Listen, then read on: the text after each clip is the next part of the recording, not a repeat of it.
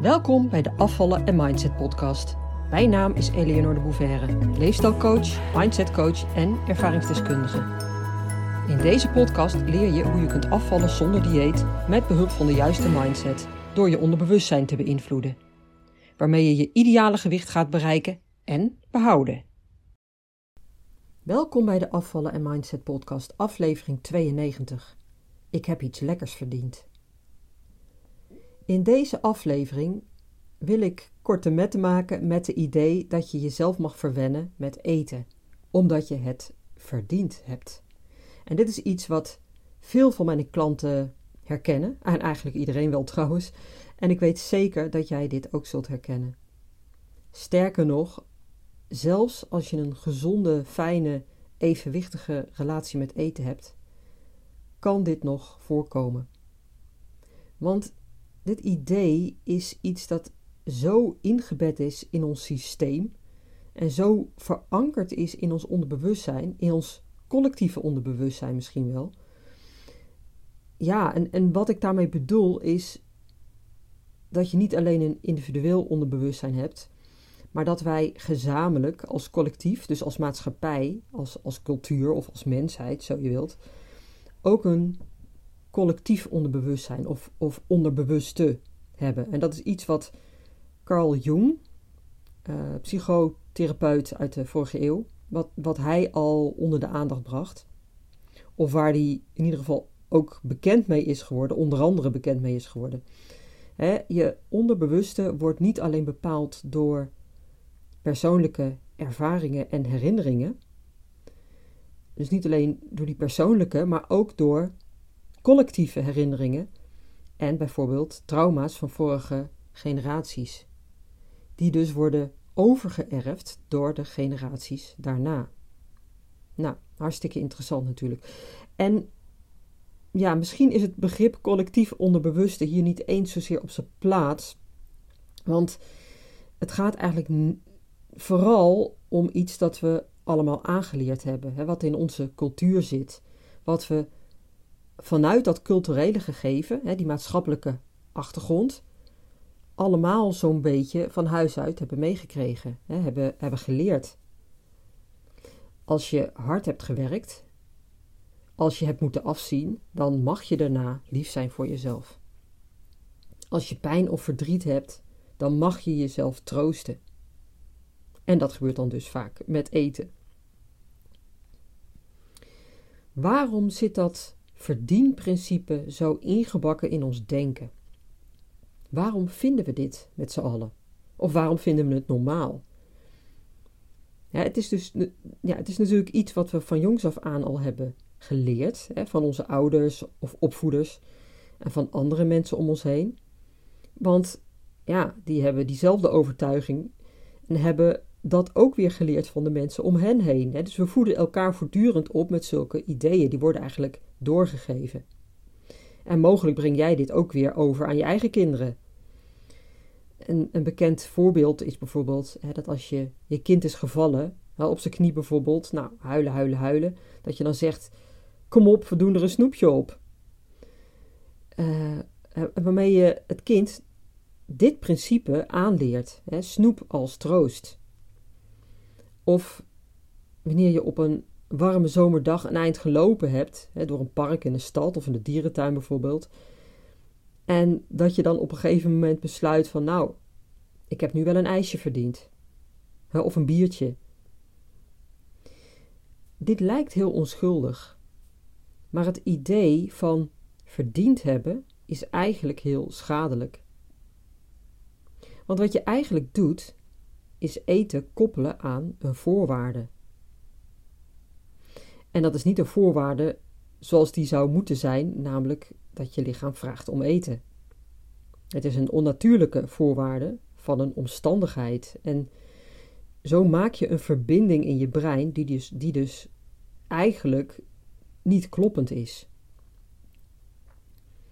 Bij veel van mijn klanten is dit principe, en ik noem het nu even het verdienprincipe. Bij veel mensen is dit echt ver doorgeslagen. Hè. Ze maken zichzelf wijs dat ze iets lekkers verdiend hebben na een lange werkdag. Of als een lastige klus hebben geklaard, hè, dat ze dan iets mogen eten, waarmee ze het verdienprincipe dus al bij voorbaat gebruiken om zichzelf maar ertoe te zetten om die lastige klus te gaan doen. Als een stuk stok, um, als een stok achter de deur, zeg maar. En zo maken ze zichzelf afhankelijk van eten. En ja, dat is dan meestal ook niet het, het meest voedzame eten, zeg maar. Hè? Vaak heel suikerrijk of in ieder geval heel erg bewerkt. Het verdienprincipe wordt vaak ook onbewust toegepast. En misschien herken je dit wel, dat als je gewoon heel erg gespannen bent, hè, veel stress hebt, of ruzie met je partner, of gedoe met je schoonmoeder, of, of met je kinderen, dat je dan eten gebruikt om jezelf, hè, zeg maar, staande te houden. Hè, dat, is, dat is dan ook een vorm van troost. Want wat het namelijk is, dat eten, dat doet ook echt iets met je. Dat geeft je ook daadwerkelijk een fijn gevoel. Heel eventjes die, die kick. Heel eventjes in die veilige bubbel. Door iets te eten worden stofjes aangemaakt, hormonen of, of neurotransmitters, die jou weer eventjes vooruit helpen. Die jou dat beloningsgevoel geven. En daar ben je je meestal niet bewust van. Of daar ben je eigenlijk niet bewust van. Maar je voelt het wel. je krijgt even zo'n lekkere kick. vergelijk het maar met een, met een kick die een heroïneverslaafde krijgt van een shot heroïne. En eh, eh, geen idee trouwens hoe dat is. Ik heb geen ervaring met heroïne. Maar je begrijpt wat ik bedoel. En dan natuurlijk, of, of ja, waarschijnlijk ook wel minder sterk. Maar het is hetzelfde principe. En misschien is het ook wel even een goed idee om hier iets meer over te vertellen. Want die hormonen en neurotransmitters, die spelen dus ook echt wel een serieuze rol dus ja, wel belangrijk om dat te weten, om je daarvan bewust te zijn, zodat je er ook beter mee kunt dealen. En tegelijkertijd om er ook voor te zorgen dat je dit niet als excuus gebruikt. Hè? Dus dat je bijvoorbeeld tegen jezelf zegt van, oh, dat komt door, hè, door die stofjes in mijn brein. Hè? Dus, dus ik kan er niks aan doen. Ja, dat is natuurlijk de verkeerde instelling. Dat helpt je helemaal niks. Oké, nou dan even over die stofjes waar ik het over heb. En er zijn eigenlijk vier verschillende soorten geluk, gelukshormonen. Maar die zijn natuurlijk wel allemaal een beetje anders. Nou, allereerst dopamine. En dat is eigenlijk geen uh, hormoon. Er wordt vaak wel een hormoon genoemd, maar het is eigenlijk een neurotransmitter. Nou, ik ga niet het verschil tussen een hormoon en een neurotransmitter uitleggen, maar nou ja, het is in ieder geval een stofje, dopamine, dat je misschien wel kent als het gelukshormoon. Als dat vrijkomt in je hersenen, dan voel je je heerlijk, hè? misschien zelfs wel euforisch. Dus dat heerlijke gevoel, dat wil je van nature al vaker ervaren. Hè? Kom maar door met die dopamine. en zo werkt het dus ook verslavend. Dus gedrag dat leidt tot het vrijkomen van die dopamine, wil je onbewust al vaker doen of, of vaker vertonen, dus, dus herhalen. En dopamine komt dus ook vrij als je iets lekkers eet, of onder andere als je iets lekkers eet. En vooral ook als dat bijvoorbeeld suikerrijk, hè, heel veel suiker bevat, suikerrijk is of heel veel vet bevat. En waarom is dat zo? Ja, daar zit eigenlijk ligt een heel uh, basic uh, principe onder omdat het in de oertijd nodig was om je in leven te houden. Zo ingenieus zit ons brein dus nog steeds in elkaar. Alleen hebben we die suikerrijke voeding of, of eten waar veel vet in zit, vanuit dat oogpunt natuurlijk al lang niet meer nodig. En is het meestal zelfs schadelijk voor ons. Dus je hersenen maken dopamine aan, onder andere als je iets lekkers eet. En dat geeft je een fijn gevoel. En het is dat fijne gevoel waar je meer van wilt. En onbewust koppel je dus het gedrag dat tot dat fijne gevoel leidt, hè, het, het eten van iets lekkers, aan dat gevoel. En die link, die verbinding in je hersenen, wordt na verloop van tijd ook steeds sterker. Nou, oké, nou, dat was dopamine. En een andere die ik wil noemen is serotonine. Dat zorgt ook voor een geluksgevoel. En er staat ook al bekend als het gelukshormoon, maar het werkt een beetje anders. En dit is dus eigenlijk ook een neurotransmitter, hè? Dus, dus geen hormoon. Maar goed, doet er even niet toe. Een, een stofje dat grotendeels aangemaakt wordt in je darmen en voor een heel klein deel in je hersenen. Serotonine geeft vooral een kalmerende werking en heeft ook uh, ja, onder meer invloed op je stemming. Dus, dus hoe goed je je voelt en ja, daarmee ook op je zelfvertrouwen en natuurlijk andere gevoelens en emoties. En een tekort aan serotonine kan leiden tot depressieve gevoelens. En er zijn dan ook antidepressiva op de markt die in feite serotonine boosters zijn. misschien heb je wel eens gehoord van zogenaamde SSRI's. Nou, dat is een, een, ehm, een vorm van uh, een soort antidepressivum. Een bepaalde categorie antidepressiva moet ik zeggen. En die afkorting die staat voor uh, Selective Serotonin Reuptake Inhibitors. Nou, dat mag je helemaal vergeten. ik heb die trouwens vroeger zelf ook geslikt. En gelukkig heb ik die al lang niet meer nodig. Gelukkig. En ik ben er zelfs van overtuigd dat veel mensen die ze wel slikken, die ook absoluut niet nodig hebben. Alleen krijgen ze die vaak heel snel, veel te snel voorgeschreven. Het kan dus op een hele andere manier. want je kunt ook op andere, veel gezondere manieren je geluksgevoel verhogen.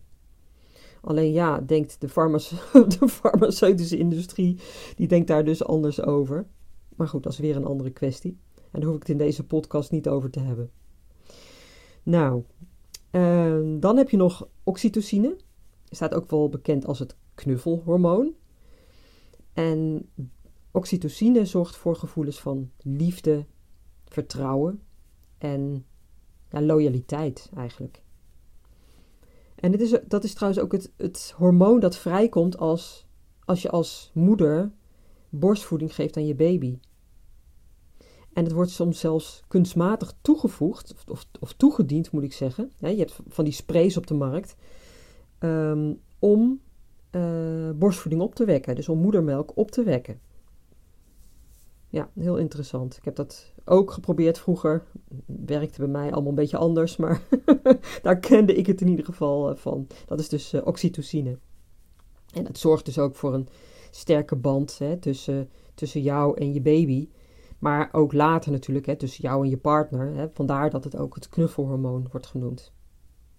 Nou, en dan heb je tot slot ook nog endorfine. Wat je lichaam aanmaakt als je leuke dingen doet. Hè, zoals sporten, maar bijvoorbeeld ook bij seks. En, en trouwens, bij seks wordt echt een cocktail van al deze hormonen hè, of, of neurotransmitters aangemaakt. Hè. Dus dan, dan weet je wat er gebeurt. Ja. Maar endorfine geeft dus ook een gevoel van beloning. En het onderdrukt angst en stress. En omdat het een beloningsgevoel opwekt, speelt het dus ook een rol wanneer je iets doet waarmee je jezelf beloont. Dus iets wat een fijn gevoel geeft, zoals eten. Net als bij dopamine eigenlijk.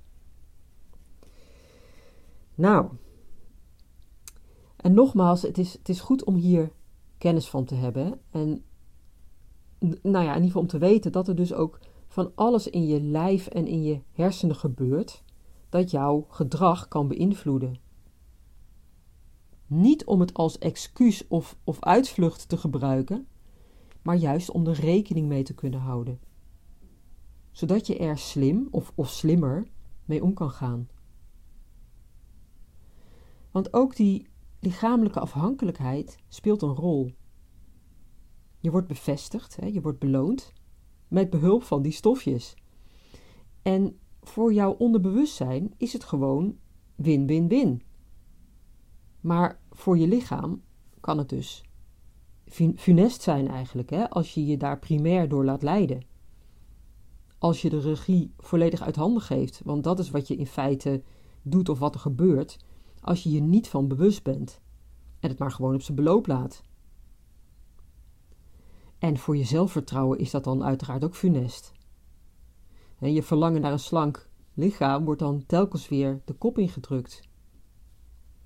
Of, of ja, anders gezegd, het bereiken van dat doel, dus het geloof en vertrouwen in het bereiken daarvan, dat wordt steeds weer op de lange baan geschoven.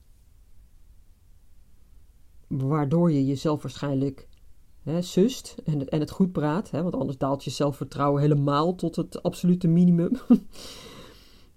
en dan verzin je er nog wat excuses bij en dan vertel je jezelf nog wat meer verhalen waarom het nog steeds niet gelukt is. En die geloof je dan ook nog omdat je anders helemaal depressief van jezelf zou worden. Het is, het is eigenlijk allemaal zo logisch. En daarom ook zo belangrijk om je dit te realiseren en te snappen hoe het werkt. Zodat je er als het ware boven kunt gaan staan en het constructief kunt aanpakken. Want wat kun je hier nou tegen doen als je dit allemaal weet en herkent bij jezelf? Nou, allereerst, het belangrijkste is dat je je hiervan bewust bent.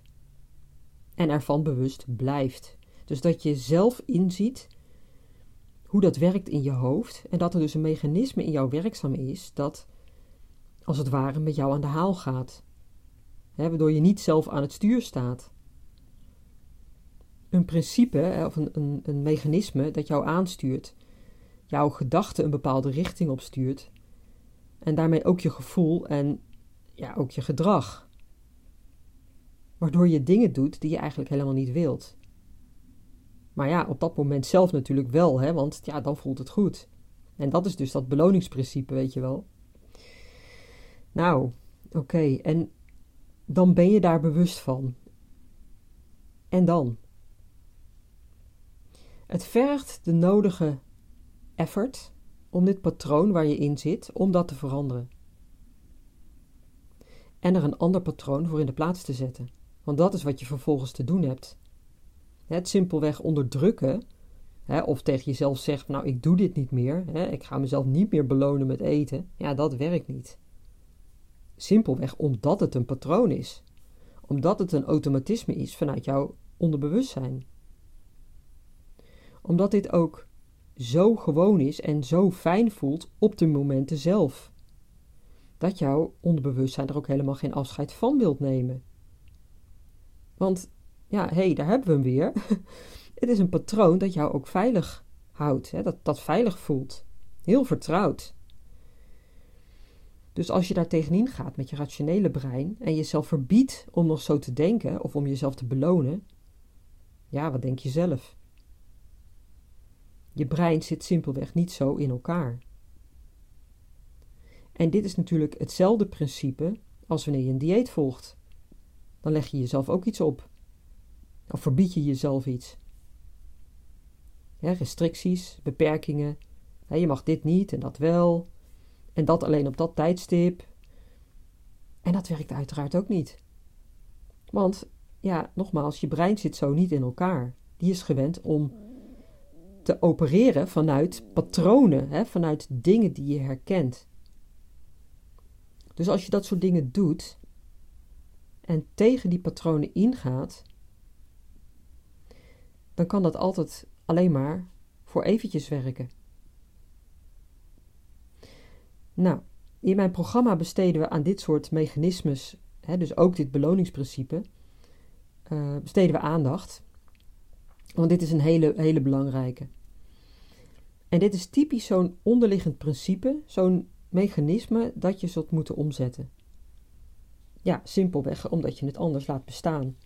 En er onder de oppervlakte niks verandert. Nou, en wil je graag een belangrijke volgende stap zetten, hè, om nu eindelijk definitief af te rekenen met dit soort patronen, en natuurlijk ja, met die overtollige kilo's, en om een fijne relatie met eten te krijgen, dan ben je van harte welkom in mijn programma. Ik start binnenkort weer een groep en daarbij ben je uiteraard natuurlijk van harte welkom. En nou, mocht je daar meer informatie over willen, check dan even mijn website. Daar kun je ook aanmelden trouwens. www.afvallenzonderdieet.nu onder het kopje groepsprogramma. En nou ja, mocht dat nog iets te spannend voor je zijn, ehm, vraag dan in ieder geval vast mijn e-book aan, mocht je die nog niet hebben. dat vind je, ook, vind je op mijn homepage al, maar ook onder het kopje gratis. Bovenaan zie je het menu staan onder het kopje gratis. Kun je mijn e-book aanvragen en als je dat doet, dan kom je automatisch op mijn mailinglijst. En ontvang je regelmatig waardevolle mails met inzichten en adviezen. En die zullen jou sowieso al enorm kunnen helpen. Of verder helpen op je pad naar dat uiteindelijke doel. En dan wil ik je ook nog even wijzen op mijn workshop. Uh, afvallen en je brein. Voor meer, ja, meer diepgang, meer kennis, diepgang, inzicht in de do's en don'ts van afvallen. En ik geef deze workshop vaker de komende tijd. Dus check gewoon even de datum op mijn website. Afvallen, www.afvallenzonderdieet.nu ehm, Onder het kopje werk met mij, daar zie je hem al staan. De workshop afvallen en je brein. En mocht je niet kunnen op de genoemde datum, no problem, want je krijgt gewoon de replay. Dus dan kun je hem later zo vaak kijken als je maar wilt. Nou, oh ja, en dan nog even een laatste vraag aan jou. Mocht je deze podcast nou waarderen, uh, dan zou je mij er een enorm plezier mee doen als je hem, uh, als je mij een review wilt geven, dus om een beoordeling te geven. Um, en om eventueel ook te delen met mensen die je kent, voor wie deze podcast ook waardevol kan zijn. Uh, um, ja, dat was hem. Ik ben er volgende week weer. Tot dan. Doeg! Leuk dat je luisterde naar de Afvallen en Mindset podcast. Ik wil je heel graag blijven inspireren. Als je je abonneert op deze podcast, ontvang je automatisch een berichtje als er een nieuwe aflevering verschijnt. Ik heb ook een gratis e-book. Dat vind je op www.afvallenzonderdieet.nu. Daar vind je trouwens ook mijn inspirerende blogs, die je automatisch in je mailbox kunt ontvangen. En tot slot, volg mij op Facebook en Instagram. Wil je meer weten over mijn programma Afvallen zonder dieet? Ga naar www.afvallenzonderdieet.nu.